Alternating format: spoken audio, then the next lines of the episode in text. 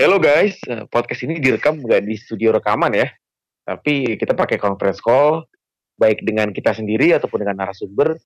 Mohon maklum kalau misalnya ada ada suara truk lewat, motor lewat, ataupun kelihatannya lagi ngobrol sama orang lain gitu. Thank you.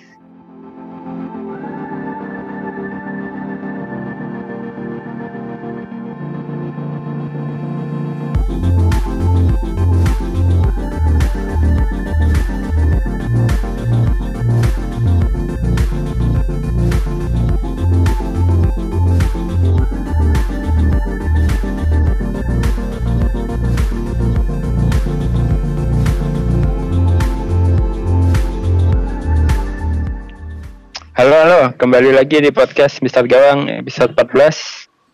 Kali ini dengan gue Kang Cis, MC dulu. MC-nya Om Bayu lagi pindahan ya ke Malai. Terus di sini ada Mbah dan ada Bang Erik juga. Halo, apa kabar Mbah, Bang Erik? Baik, baik. Sehat, sehat. Ng- Ngantuk, ngantuk.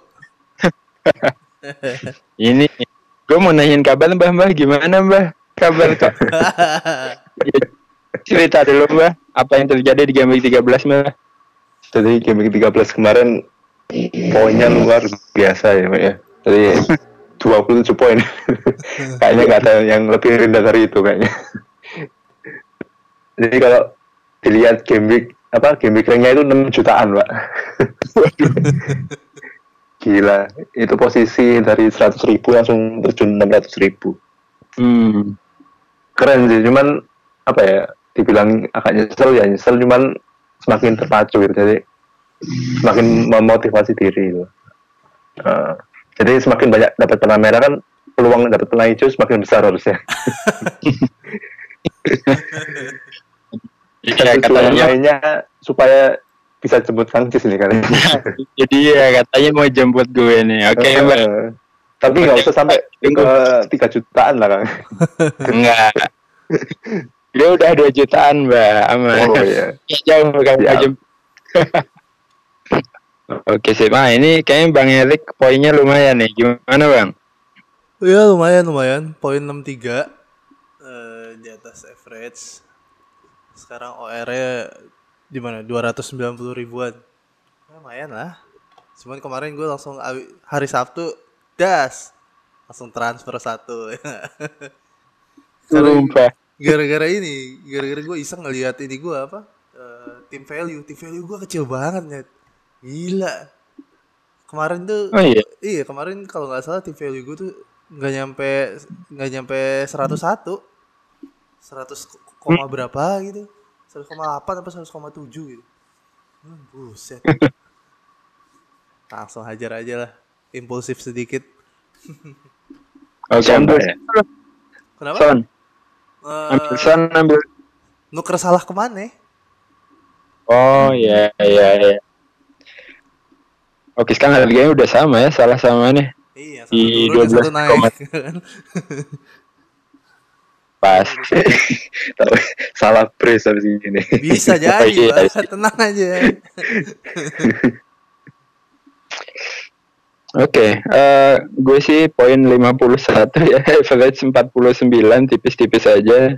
Ketolong sama ngambil son sih, ngambil son dan vice captainnya Auba. Danny Ings lagi-lagi nyekor. Ya aduh ini ini anak harga 6 lumayan juga nih. Nanti kita bahasin Danny Ings. Eh ketolong siapa lagi ya? Pereira clean sheet bonus satu ya. Sayang sih ini ada Brandon Williams di cadangan gue ya, ngegolin loh. Yoi. Poin 6. Oke, nanti kita bahas lebih detail lagi. Oke, eh kali ini yang menarik perhatian di game week 13 kemarin adalah Tottenham ya. Kemarin kan kita bahas Mourinho udah balik dan impactnya cukup lumayan ya. Spurs akhirnya menang 3-2 dan Son ngegolin, Harry Kane juga ngegolin. Banyak pilihan di opsi depan Spursnya ada Harry Kane, Son, Dele Alli, dan Lucas Moura. Nah, Mbah, untuk Spurs ini kira-kira dari empat nama yang gue sebutin tadi yang paling apa ya paling direkomendasikan untuk diambil siapa nih mbak? Kalau saya pribadi sih lebih condong ke Harry Kane ya, Harry Kane atau ambil satu mid antara Ali atau Son. Mungkin Son sih, karena lebih eksplosif ya. Itu sih kan, antara Harry Kane. Kenapa Harry Kane ya? Karena ya dia satu-satunya penyerang, terus uh, Algo penalti juga minim rotasi gitu. Ya meskipun dia sering kali turun ke lapangan tengah jadi CM, tapi saya rasa saya rasa Harry Kane uh, akan kembali tajam sih karena kemarin waktu di Liga Champions udah mukulin dua gol lawan Olympiakos. Uh, semoga ini menjadi titik balik sih uh, di bulan Desember terutama ya karena kita lihat jadwalnya Spurs enak sekali di bulan Desember. Terus sih Kang. Oke oke. Kalau untuk opsi defense menarik nggak mbak si Tottenham ya? Kalau mungkin kalau ada satu nama si Sergi Aurier mbak. Hmm, sebenarnya menarik ya, tapi saya berharap hmm, kalau untuk berharap clean sheet sih kayaknya nggak terlalu sih. Dari segi ofensif malah. Ada Aurier dan Danny Rose ya. Menarik karena dua-duanya sayap terus uh, Danny Rose sementara aman lah ya dari rotasi karena Ben Davis uh, lagi cedera. Aurier juga tampaknya posisinya aman. Karena saingannya ya masih muda Walker Peters. Jadi saya rasa antara dua itu. Uh, mungkin minusnya untuk Aurier banyak yang bilang dia itu ya rawan kartu ya. Ya memang beberapa kali memang dia sering kena kartu yang nggak penting tapi potensinya tetap ada sih kalau menurut saya dari segi ofensif ya kan tapi kalau dari segi clean sheet nggak terlalu berharap sih. Karena musim ini juga tim-tim jarang yang sering dapat clean sheet ya uh, itu sih kan iya uh, satu pertanyaan lagi mbak soal Tottenham ngambil pemain Tottenham nggak mbah game week ini mbah? Hmm. Nah, rencananya ambil Harry Kane, Harry Kane, Harry Kane. Ambil Harry menggantikan Wilson. Jadi Wilson eranya berakhir sudah. Harry Kane. Punya. Uh, sebenarnya pingin uh, minus kalau pingin ambil mid terus sekalian sih sebenarnya mumpung jadwalnya enak ya dan lagi momentumnya lagi kayaknya oke okay lah ini pelatih baru semangat baru cuman ya harus minus 8 untuk mengganti misalnya Sterling itu agak ragu-ragu sih. Hajar, uh, Sementara main aman. aman ambil Harry Kane. Harry Kane di bulan Desember tuh kayak udah indah banget ya. iya. Iya kan? Kayak hadiah Natal gitu. Yoi. Masalahnya satu, satu yang udah pasti dia pasti main. Gue gak akan takut dia nggak main gitu. Itu yang, mm -hmm. yang paling menarik dan rekornya di bulan Desember selalu menarik, selalu bagus. Mm -hmm minus lagi nih kayak uh, Kalau Bang Yelik jadi ambil Son nggak kemarin kayaknya ada yang mau ngambil Son nih, nggak yeah, jadi. Kemarin itu uh, kemarin gue ceritain di grup ya. Uh, kemarin gue sempat udah mau udah, udah tinggal confirm tuh udah minus berapa minus 12 minus 12 salah satunya Son Son Jimenez sama siapa satu lagi Son Jimenez sama itu si Mane. Iya, yeah, tadi gue mau minus itu tiga sekaligus gitu. Jadi gue ganti lima pemain di game kemarin. Makanya gue juga udah ya tinggal confirm lah itu udah tinggal 10 menit lagi. Ternyata tiba-tiba cemen aja gue ah nggak jadi lah. Son menarik sih. Eh, salah satu menurut gue dia bisa jadi salah satu tumpuan utamanya Mourinho sih di di tengahnya Spurs ya dia sama Mora mungkin menurut gue mungkin kayak Lamela gitu udah pasti hilang sih Ali uh, Ali mungkin work rate dia doang kali ya yang dipakai gue rasa dia Ali itu menurut gue kan mirip banget kayak Lingard ya pemain gak penting cuma work rate-nya bagus gitu mungkin dia akan diposisikan sama dengan Lingard si Ali Oke oke. Ya cuman. Ali sama Lingard lebih oke Ali lah. Oh iya iya iya iya. lebih, lebih oke iya iya benar itu lebih oke Ali. Cuman nggak jauh-jauh lah bah.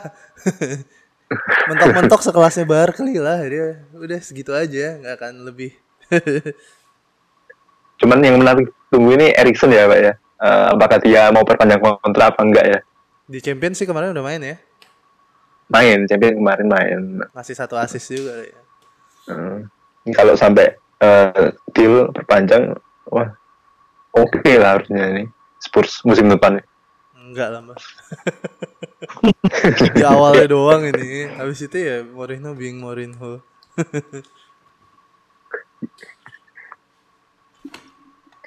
Oke, eh Bang Elik, ini gue punya tiga nama nih Bang. Ada Aubameyang, Mason Mount, sama Sterling. Dari tiga nama itu menurut lo siapa yang harus di keep dan siapa yang harus dijual? Wah, cing. Ini dengan kon- kondisi punya semua berarti ya. Kalau Ya, asumsikan begitulah. kalau dengan asumsi punya semua sih bahas satu-satu deh.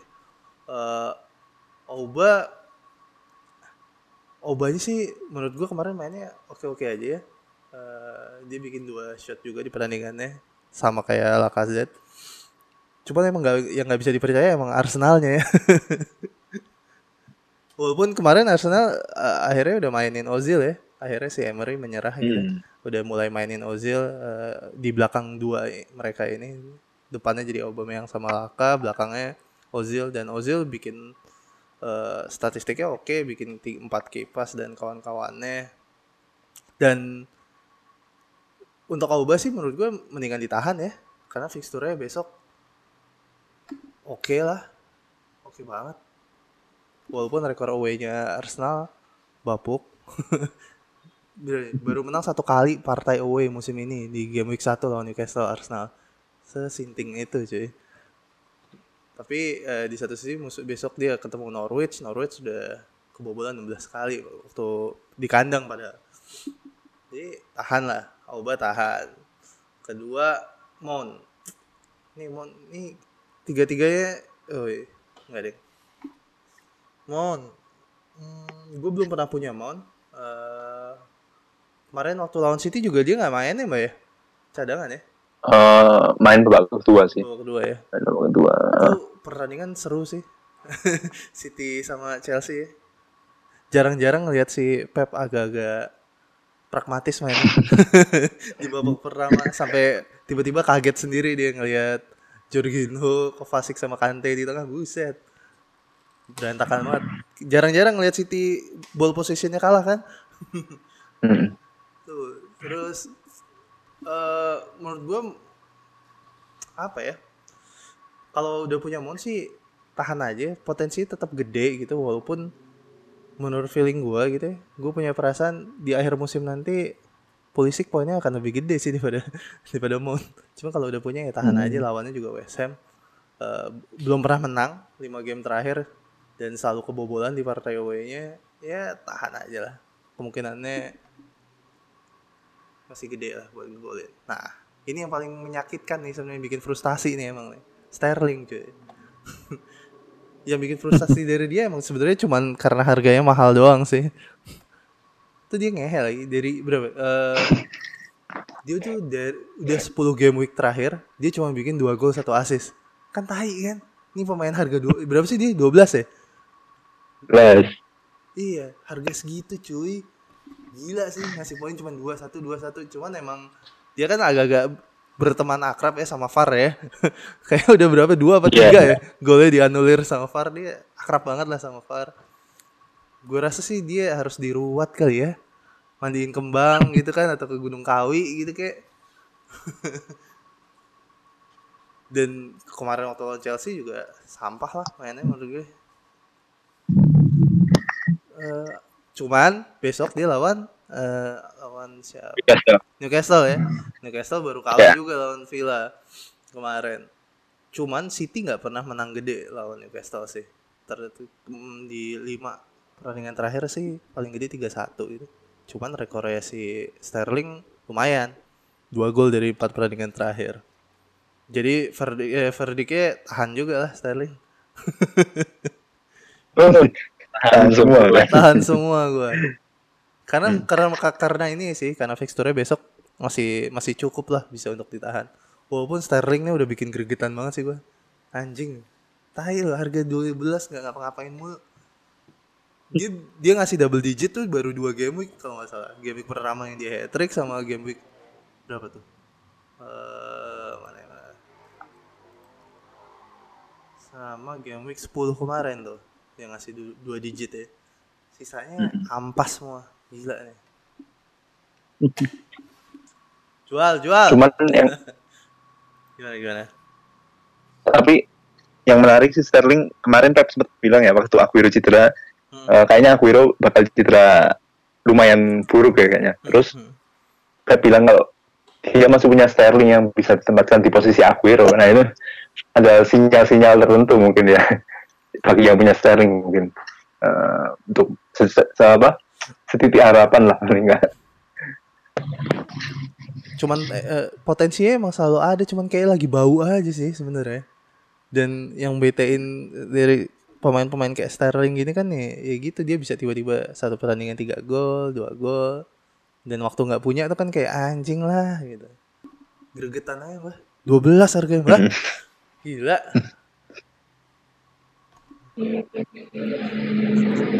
jadi tahan semua tahan semua Oba tahan, mau tahan, Sterling tahan.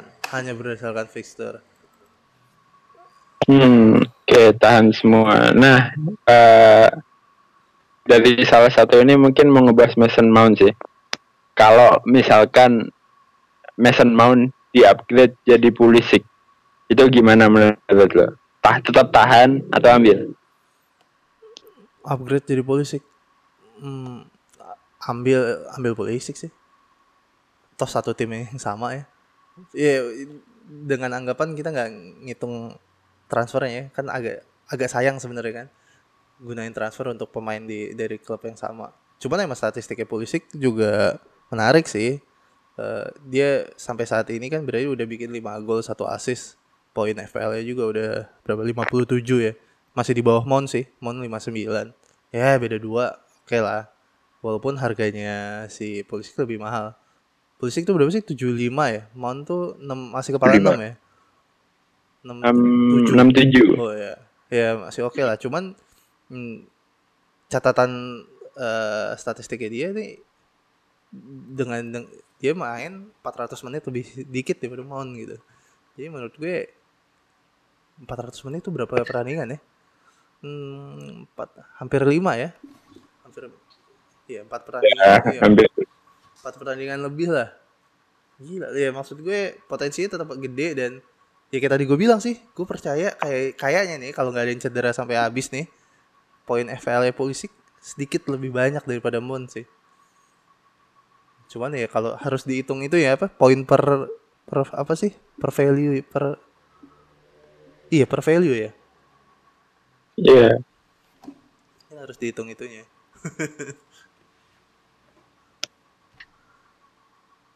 Itu sih. Oke oke.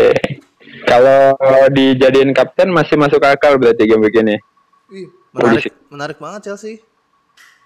Temi atau Pulisic menarik. Karena eh, kayak beberapa di podcast sebelumnya itu yang gue sempat bilang eh, kalau ngelihat mainnya gitu, Pulisic terlihat sedikit jauh lebih dekat gawang sih. Dan kayaknya lebih klinikal gitu. Loh. untuk apa eh, bikin gol dibandingin Mount menurut gue ya. Kayak kalau menurut gue pribadi nih eh, Simon tuh kayak work rate lu gila eh terus apa ya tapi skill lu belum di situ. Sedangkan Pulisic eh, work rate-nya lumayan lah. Nggak gede-gede cuman skillnya ba skillnya bagus dia tekniknya bagus. Jadi kayaknya untuk jadi gol kemungkinannya lebih besar Pulisic sih menurut gue dibandingin Mount asal nggak ada yang cedera aja. Oke, menarik ini kapten. Kapten Amerika, polisi. Oke, eh, ini ada satu tim sih yang cukup menarik ya, eh, Crystal Palace. Jadi Crystal Palace ini di lima pertandingan terakhir dia ketemu tim kuat ya. Ada City, Arsenal, Leicester, Chelsea, Liverpool berturut-turut dan cuma dapat satu poin. cuma imbang lawan Arsenal, sisanya KO. Nah, karena yang lawan yang susah-susah udah nih kita lihat sampai game week 21 jadwalnya enak parah sih si Zaha dan kawan-kawan ini ya Hmm. ada Burnley, Bournemouth, Watford, Brighton, Newcastle, West Ham, Southampton, Norwich sampai 2 Januari itu Eh, menjadikan opsi-opsi pemain Crystal Palace menarik nih untuk ya sampai bulan Januari lah apa Boxing Day ya Hmm. Boxing Day ini. Nah, eh, siapa aja sih opsi Crystal Palace ini? Kalau gue sih dari tiga lini ya, defense, mid, dan striker. Kalau dari defense ada Van Aanholt ya. Van Aanholt itu udah cetak dua gol dan selalu main 90 menit. Ya, ya kita kenal lah Van Aanholt ya dari zaman Sunderland memang dia agak ofensif mainnya. Jadi untuk berapa pertandingan? Satu, dua, tiga, empat, lima, enam, tujuh. Untuk delapan pertandingan selanjutnya nih kemungkinan untuk mencetak lebih dari clean sheet sih gede sih ya entah gol atau assist di harga 5,6 ya sebenarnya agak mahal sih tapi kalau emang niatnya mau ditahan agak lama worth worth worth it banget dan kalau di opsi tengah ada Zaha. Zaha ini kemarin baru cetak gol juga. Eh, total udah satu gol dan dua assist. Eh, main 90 menit terus kecuali game week pertama ya, cuma 25 menit. Eh, ini lumayan sih, maksudnya Zaha ya juga bisa mencetak gol melawan Liverpool, assist lawan Arsenal, dan kemudian selanjutnya lawannya ya katakanlah setara lah setara atau mungkin lebih gampang ya kita tahu Zaha sekarang posisinya udah jadi middlefield lagi ya di FPL Hmm. sudah berarti udah bisa dikategorikan OOP lagi karena dia main di Trisula di depan. Jadi oke banget ini Zaha untuk ini opsi kalau yang pingin ngebuang Mount sih. Harganya mirip-mirip nih 6,7 6,6 ya kalau ini bisa jadi opsi untuk jangka panjang. Dan satu lagi yang paling menarik sih top skor Crystal Palace musim ini sampai dengan sekarang Jordan Ayew 48 poin. Top skor loh ini. Iya loh dibanding yang lain. Jordan Ayew cuma 5,1 game time-nya oke lah. Dia mungkin main nggak nggak selalu 90 menit tapi di atas 60 menit terus dan sudah cetak 4 gol. Eh, ini kayaknya yang paling banyak nih. Eh, coba gue cek. Gol skor iya. Top skor 4 gol Van Aanholt 2 gol Milivo 2 gol Ya, Ayu ini cocok banget untuk jadi opsi striker ketiga ya. Karena harga 5,1 ya udah dipasang aja nothing tulus. Harusnya sih di 8 match ke depan mungkin ya maks apa ya minimal 2 gol lah minimal 2 gol dapat lah 2 gol satu assist Asik. tapi ya kita nggak tahu ya ini menarik sih. Ini saya murah banget lebih murah daripada Ings Ings 6 ini 5,1 masih kembalian 0,9 Eh itu sih menurut gue tentang Crystal Palace ya di bulan Desember ini sangat-sangat menarik. Mungkin dari teman-teman ada nanggepin soal Crystal Palace atau ada pemain lain yang belum gue sebutin? Tadi gue mau nambahin Milivo ya, cuman biasanya Milivo nanti sih. Paruh kedua dia. Ngegolin dari penalti ya. Paruh pertama dia Iya. biasanya agak-agak anteng. Paruh kedua tuh udah bulan apa Maret gitu baru deh. Cuman sisanya sih, Ah. sisanya gue sepakat sih. Eh, kalau buat gue pribadi, eh, Ayu yang paling menarik dari antara eh, pemain Peles ya, karena sesuai sama kebutuhan tim gue gitu. Gue kan rencananya lagi emang mau pakai dua striker aja, satu striker mati gitu ya. Cuman dengan adanya Ayu deh harga segitu kan, ya bisa lah. Kadang gue mainin, kadang enggak gitu. Lumayan, gitu sih. Mau ke Ings jauh banget sih 6 ya. Padahal 6 Ings yoi fixture ngehe. Oke, tadi udah kita ngebahas Crystal Palace. Nah ini lanjut ke dua tim lagi nih. Ada dua tim yang podcast lalu sempat kita rekomendasikan ya. ada Everton dan ada Watford. Kayaknya podcast di podcast lalu gue bahkan ngerekomendasiin ambil tiga pemain Everton kalau beli hit. Wah, lo, lo jahat lo Kang Jis lo. Terus Watford juga, Watford juga setelah clean sheet beruntun, Ah. akhirnya juga tewas ya. Ini gimana Mbah plot twistnya Everton dan Watford ini Mbah di game week 13? karena memang apa ya Liga Inggris ini kan musim ini cukup ketat ya Kang ya. Kalau kita lihat eh, posisi 11 sampai ke bawahnya itu poinnya nggak terlalu jauh terlalu jauh lah ya. Eh, tipis-tipis lah. Ya, Jadi tim yang eh, terpeleset ya otomatis ter- eh, terpuruk kayak Everton ya. Kita kan nggak nyangka di, eh, di dua laga awal Everton clean sheet terus satu kali imbang satu kali seri bermain bagus lawan Palace ya kan? Tapi ujung-ujungnya kayak gini gitu kan? Ya mungkin Everton nggak konsisten juga ya. Mereka bisa menang lawan Wolves di kandang sendiri tapi pekan lalu kita lihat mereka kalah dari Norwich 2-0 apa ya mungkin kalau saya lihat sih faktor pelatih mungkin ya. Eh, kayak kita bandingkan dengan Spurs ya memang kualitas pemainnya jauh ya. Cuman kalau kita lihat Everton ya lumayan lah. Sebenarnya kualitasnya pemain Everton bisa lah untuk papan tengah harusnya di awal-awal musim ya. Dengan jadwal yang lumayan enak harusnya. Eh, mungkin faktor pelatih sih kalau menurut saya. Kayaknya Marco Silva harus dipecat dulu lah biar Everton bisa balik lagi kak. Paling nggak ya tujuh besar delapan besar lah. Eh, dan apalagi rumornya besok ketika lawan Leicester misalnya Everton kalah bukan nggak mungkin Marco Silva akan dipecat kayaknya sih. Eh, lalu untuk Watford eh, nggak terlalu kaget juga ya Watford karena ya tiap musim mereka selalu kayak gini kan nggak stabil kadang menang kadang kalah. Cuman yang menarik ya setelah lawan City kalah 8 gol terus lawan Wolves juga meskipun kalah cuman main, permainannya juga membaik gitu kan. Eh, kalau Watford ya memang sepatasnya lah kalau Watford ada di posisi paling bawah kualitas pemainnya juga ya gitu-gitu aja. Di depan ada ya sama kayak musim lalu Troy Deeney dengan siapa? Andri Andri Gray. Andy Gray. Andri Gray. Terus di Loveu juga angin-anginan. Eh, Welbeck juga yang didatangkan juga cedera. Wih. ya banyak pemain yang cedera juga. Kualitas pemain ya kayak gini-gini ya. Wajar lah kalau Watford di posisi paling bawah Oke, jadi sebenarnya tidak sepenuhnya mengejutkan ya.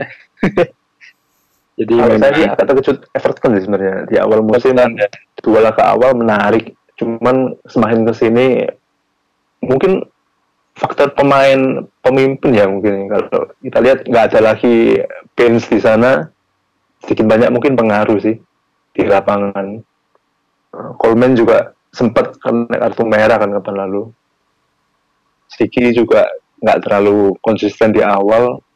Jadi mungkin kalau menurut saya kurang figur pemimpin mungkin kalau. Dan lini depannya juga tumpul. Kalau kita lihat masuknya Moskin juga belum terlalu banyak membantu. Eh, malah Carver Lewin yang sedikit banyak cukup lumayan sih ya. Meskipun postur kalah.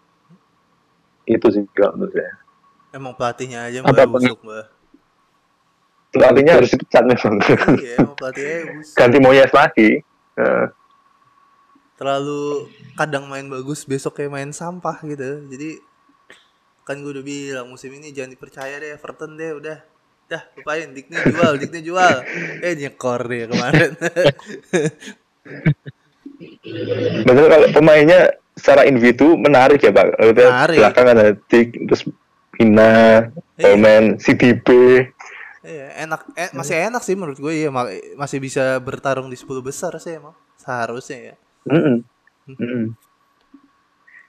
Makanya emang pelatihnya udah nggak jelas dah. Pelatih dan lini depan ya kayaknya. Lini depannya Iya emang iya sih. nggak Ini nggak depannya, oke lah lini depan. ini depannya agak sampah juga sih. Oke, jadi kalau masih punya pemain Everton, kita rekomendasikan segera dibuang ya karena lima game week ke depan lawannya Leicester, Liverpool, Chelsea, MU, Arsenal. Merah semua itu. Dan Udah buat tinggal milih dikiloin aja mau itu. udah. di mana iya. Ya, tinggal anjing tinggal pilih. Oke. Eh, siap-siap. Nah, kita lanjut nih ke tim semenjana lainnya. Ada MU eh kemarin imbang ya, tiga sama lawan Sheffield. Wah, hampir menang, hampir comeback. Tapi ya Ya, hampir. Ah, mungkin Bang Erik bisa bisa ceritain Bang Erik gimana, Bang? Gimana gimana? So- Sorry tadi putus-putus. Mungkin Bang Erik bisa ceritain ini MU lawan Sheffield gimana ini kemarin? Oh, ya nggak gimana gimana ya babak pertama MU jadi MU yang kita kenal selama tujuh tahun terakhir kayaknya ya. MU yang semenjana gitu sampai akhirnya emang yang sebenarnya yang paling ngehe sih waktu udah udah tiga udah tiga dua ya. tiga dua eh narik Martial ditarik masukin si siapa? Me- Mensah ya? Tuan CP eh iya Tuan Tuan. ZB iya masukin Tuan ZB Heeh. Jadi main bertahan. Itu sih yang anjing sih gue bilang. Maksudnya emang ya kalau pelatih semenjana ya begitu kali ya. Mentalnya tai ya. Unggul satu unggul satu nambah back. Kayaknya tak kayaknya kalau bayangan gue nih ya, bayangan gue kan seharusnya mentalnya si eh, Sheffield ancur-ancur lebur kan tuh. Harusnya udah berantakan mentalnya dia kan. Hajar aja lagi. Siapa tahu dapat gol keempat kelar kan pertandingan eh malah dikasih dipersilakan kan panggungnya. Silakan. Dapat deh dia. Tiga sama. Mainnya masih gitu-gitu aja lah. Nggak ada nggak ada nggak ada perubahan. Eh, perta- si Jones lagi-lagi bikin lawakan. Gue juga gue gue gue juga nggak habis pikir ngapain sih Jones ada nih? Oh mau main pakai tiga back gitu Ter- terus si eh, holdingnya berdua sampah gitu ya Fred sama Pereira. Nggak nggak jelas umpannya. Apalagi Pereira tuh anjing lah. Ditaruh di DM atau CM sus- pusing banget langsung mainnya. Si- cuman pas sudah pas sudah diganti itu si Pereira ganti Greenwood ya. Balik lagi pakai back 4 agak mendingan bisa ngejar 3 gol dari 10 menit ya 10 menit 3 gol eh habis itu balik lagi mental mental combro ya balik ya udahlah kenapa ini ini pasti ada pengaruh ada ininya nih ada Kang Cis ngasih panggung buat ngebahas MU nih pasti ada maunya nih kayaknya Oh iya dong. ya jadi kan kita tahu kemarin yang nyetak gol siapa aja? Eh Rashford ya, Rashford Rashford Landon Williams dan Greenwood. Mm-mm. Wah, akhirnya Greenwood ngegolin ya. Nah, ini sih kita lihat ada Brandon Williams ya. Back 4,0. Eh, kemarin game week 12 sempat dimainin karena Young akumulasi ya, akumulasi kartu kuning. Dan akhirnya game week 13 ternyata dimainin lagi dong dari awal. Si Brandon Williams, Ashley Young di cadangan. Dan menariknya lagi di squad untuk di di apa namanya? Champion. Lawan Astana lawan Astana besok itu Brandon Williams nggak dibawa. Iya. ya artinya Brandon Williams sepertinya untuk di Premier League nih. Nah gue sebenarnya nggak ada infonya sih cuman mungkin fans MU tahu nih kira-kira posisi back kiri MU udah aman di Brandon Williams belum nih bang belum lah Iya, maksud si Shaw juga kalau nggak salah udah udah mulai ikut latihan kan. Walaupun gua nggak tahu sih pastinya dia berapa lama lagi ya bisa balik. Ya, kalau kalau gua pribadi sih ya, gue lebih suka ngelihat si Brandon William main sih. Bahkan kalau dibandingin yang ya, kalau dibandingin yang jauh lah. Yang udah lah, lupain aja.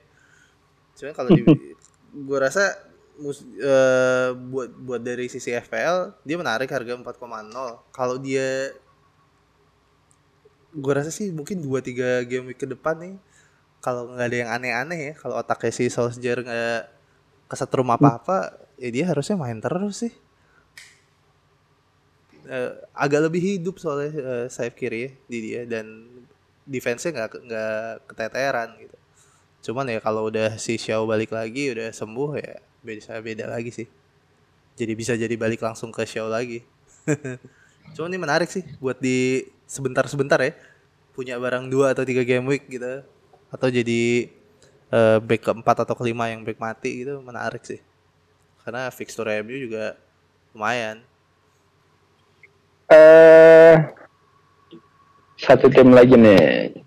Eh, yang pernah juara juga kuda hitam Leicester itu diem-diem dia clean sheetnya jago banget ini udah berapa udah berapa clean sheet itu ya peringkat Itu dua dia dulu. loh di atas City oh udah nyalip City ya udah diem-diem loh Wah, iya. Ini si Leicester udah enam kali clean sheet, eh, empat kali clean sheet berturut-turut ya di empat game week terakhir. Yo ya Dan mm, kayaknya Mbah masih belum punya back Leicester nih Mbah. bah Coba eh, kira-kira kenapa belum ambil dan apakah berencana ambil? Dan apakah memang sudah wajib sebenarnya punya defense yang Leicester nih? Ya kit- mungkin kita bisa bilang udah bisa dikatakan Leicester masuk tim papan atas ya untuk musim ini ya. Jadi kayaknya mungkin Soyuncu di 4 koma juga menarik kan bah atau mungkin mau Chilwell atau Pereira?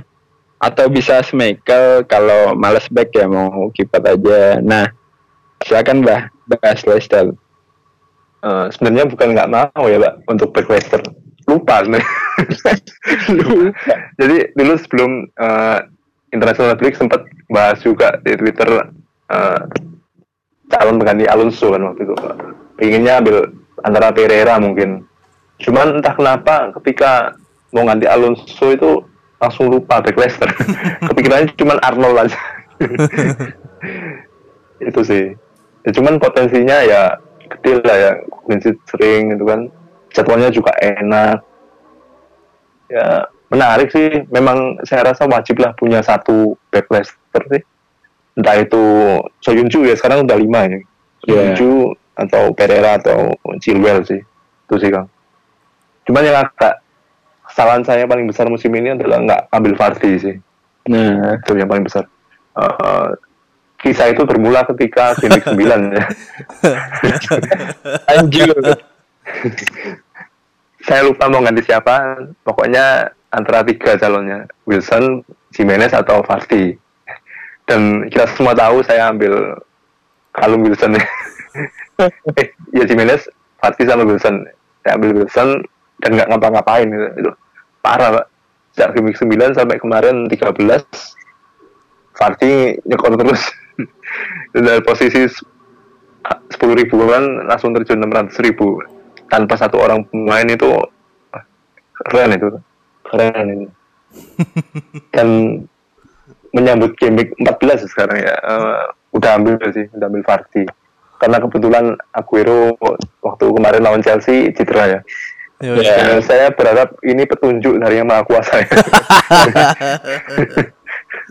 Jadi ketika satu pemain cedera ya udah ganti Vardy lah.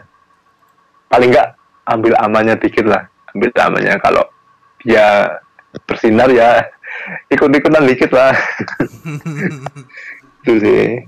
Cuman wajib sih punya Vardy. Iya, alangkah baiknya punya Vardy karena formnya oke, top score juga, satu Leicester enak, anti rotasi. Ya itulah. Itu sih Kang. nggak ada oke ya kalau kalau buat Fardi kayak nggak ada alasan untuk nggak punya sih Iya, ya kan?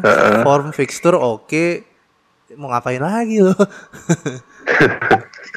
fixture Ya, oke. Cuman keras kepala itu. iya cuma keras kepala. oke kemarin itu dua dua free transfer gue gue pakai emang buat benerin back gue kan. Back gue berantakan. Eh, dan yang paling pertama gue lakuin itu gue nuker Van Dijk ke Pereira. Ternyata benar. Karena Van Dijk Liverpool kan udah berapa kali udah berapa game nggak clean sheet kan? Kayak nyari momentum ngebuang dia tuh ngebuang Van Dijk tuh siapa gitu ya udahlah hajarnya Ferreira udah bener Dan sekarang saya malah punya dua back Liverpool ya. Itu Arthur dia. gue hari minggu Karena- gue hari minggu tuh ngeliat squad lo mbak dia Hmm. punya dua malah gue lagi ngebuang dia punya Kapten dua. Kapten Arnold, Pak. yo gue waduh Eh, gila. Untuk mengimbangi itu, eh, alasannya untuk mengimbangi karena nggak punya Mane atau Salah ya. Harapannya kalau misalnya Mane golin atau Salah, ya asisnya Arnold lah gitu. iya sih ma- masuk akal sih gue juga mikirnya iya nih pasti buat iya bener buat ngimbangin ya cuman kayak gitu Ya. ya, malah ya, malah Robertson. iya Nah, dulu eh, kemarin sempet kepikiran Robertson, cuman kan belum 100% fit ya waktu kemarin ya. Iya, Dia iya. salah kan. Jadi ya harus Arnold lah. Eh, lebih murah sedikit sih Robertson ya Heeh. tapi jadwalnya enak lah Liverpool sama Leicester. Dua-duanya oke sih. cuman mikirin blanknya aja nanti tuh dia kalau Liverpool kan Hmm. 18 ya. Iya. Cuman Iya. kalau nggak mikirin itu sih aman, hajar terus. Gue Iya juga mm, Karena cuman blank satu terus ya itulah gunanya Desember kan kita harus punya pemain-pemain cadangan yang harus bisa main ya mm, harusnya. Nah, kalau blank cuma satu Liverpool punya dua cadangin aja lah kak menurut saya sih. Oke, eh, ini mungkin sedikit fun fact dari, dari pemain yang barusan dibuang sama Mbah nih, Callum Wilson. Jadi kalau kita sempat dibuang belum dibuang. Oh belum, oh, kita sudah. maunya maunya. maunya. Gue juga masih ada loh Ya. Wilson. Wah, cocok nih. Ini gue kasih fun fact, semoga mencerahkan. Jadi ki- kita sempat tahu tuh di akhir game week ketujuh ada tiga pemain yang nggak pernah blank. Ada Hmm. Callum Wilson, Aubameyang, dan Aguero. Hmm. Dan setelah itu Oh iya. Callum Wilson selalu blank. Heeh. 8, 9, 10, 11, 12, 13. Gila. Asli poinnya emang cuma 2, 2, 1, 1, 2, 2. Sampah ya. Jadi jadi impas ya. Itu kan jadi impas.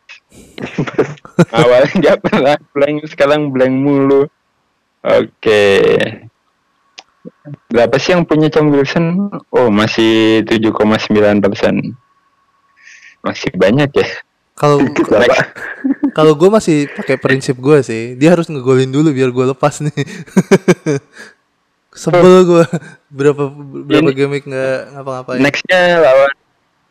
Ya, Lawan ini Tottenham. sampai game week 19 lawannya lumayan. Tottenham, Crystal Palace, oke lah. Nggak. Liverpool, Chelsea, Burnley, Arsenal. Ini gue pasti buang sih game Iya. week ini. Minus gue pasti ini.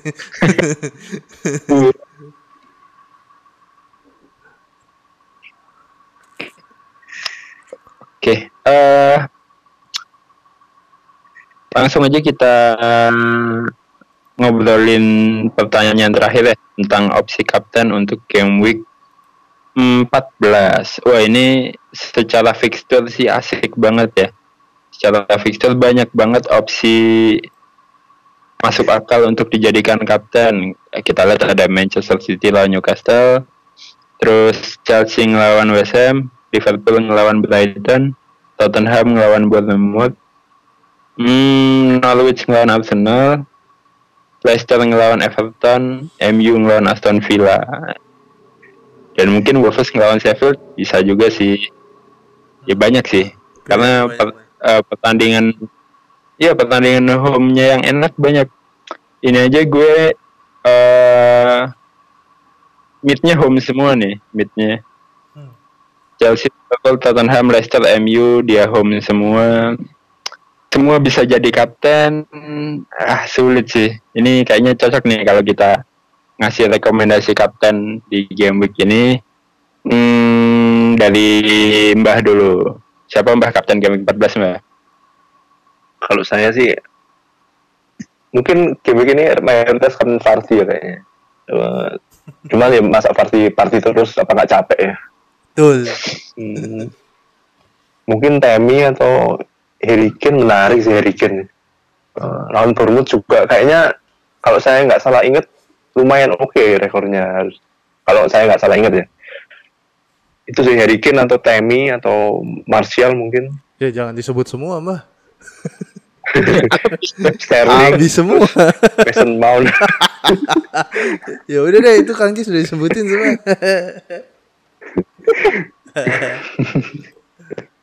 Aduh. Kalau Bang Erik siapa Bang? gue sebenarnya agak ngerasa Kane sih. Agak feeling ke Kane. Eh, menurut gue bener kata Mbah tuh Fardi udah pas kayak capek lah ya. Kalau dia nggak capek juga sih gila sih. Masih ada yang nggak punya gila lo semua. Kayaknya sih dia nggak ngapa-ngapain sih. Eh, si Fardi besok mungkin Madison yang akan gila. Cuman selain Kane kalau boleh nambahin satu lagi ya sama asetnya Chelsea sih asetnya Chelsea kalau di Chelsea gue lebih condong ke Temi dibanding Mount atau Pulisic Oke, kalau gue sih game week ini ada dua nama ya yang kemungkinan akan jadi kapten dan gue kebetulan dua-duanya punya. Eh, yang ya ada yang pertama ada salah, nggak kapok-kapok sumpah masih punya salah ya. Dan kemarin udah nggak main, tapi ini bisa jadi momentum sih karena harusnya udah fit. Eh, masa mana terus kan gantian lah. Kayaknya ini waktunya masalah lah. Yang poinnya lebih besar dibanding Mane. Dan satu lagi Kapten Amerika Pulisic. Hmm. Ini pemain yang baru gue ambil, gue bela-belain minus 4 di hari Minggu cuma buat Pulisic. Karena duit. Kalau kalau nggak transfer gue nggak nggak nggak bisa beli Pulisic ya. Karena gue nukar Mount ke Pulisic. Jadi Ah. Mount harganya turun, Pulisic harganya naik. Ya harus harus dilakukan mau nggak mau.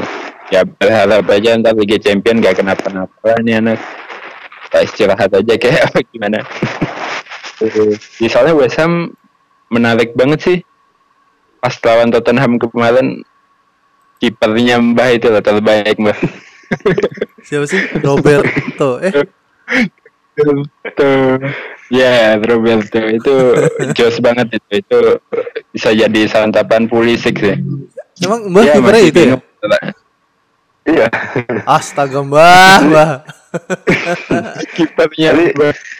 Ini alasan kenapa Roberto ini mainnya nggak bisa apa nggak bisa cekatan itu karena faktor nama kalau misalnya. Kenapa? namanya itu Roberto, Jimenez dan Gago. Jadi terdiri dari tiga pemain bola.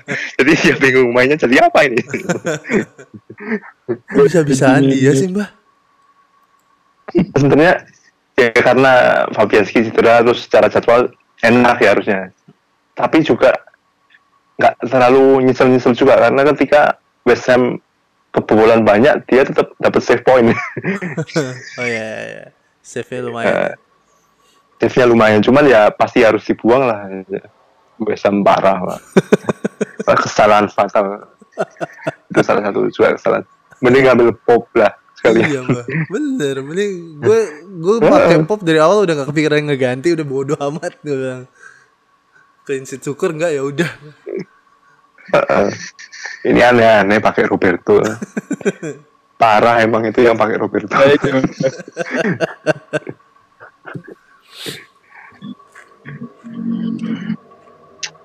Ah, ya wes itu tadi rekomendasi kapten dari kita. Lu cocok sama yang mana sikat? Lu punya pilihan sendiri monggo. Eh, Oke, good luck untuk game week 14. Kalau ngelihat jadwalnya sih harusnya average-nya tinggi, tapi kita tidak tahu ya. Biasanya suka kebalikannya sih. Eh, podcast misal gawang undur diri dulu, mohon pamit. Wassalam.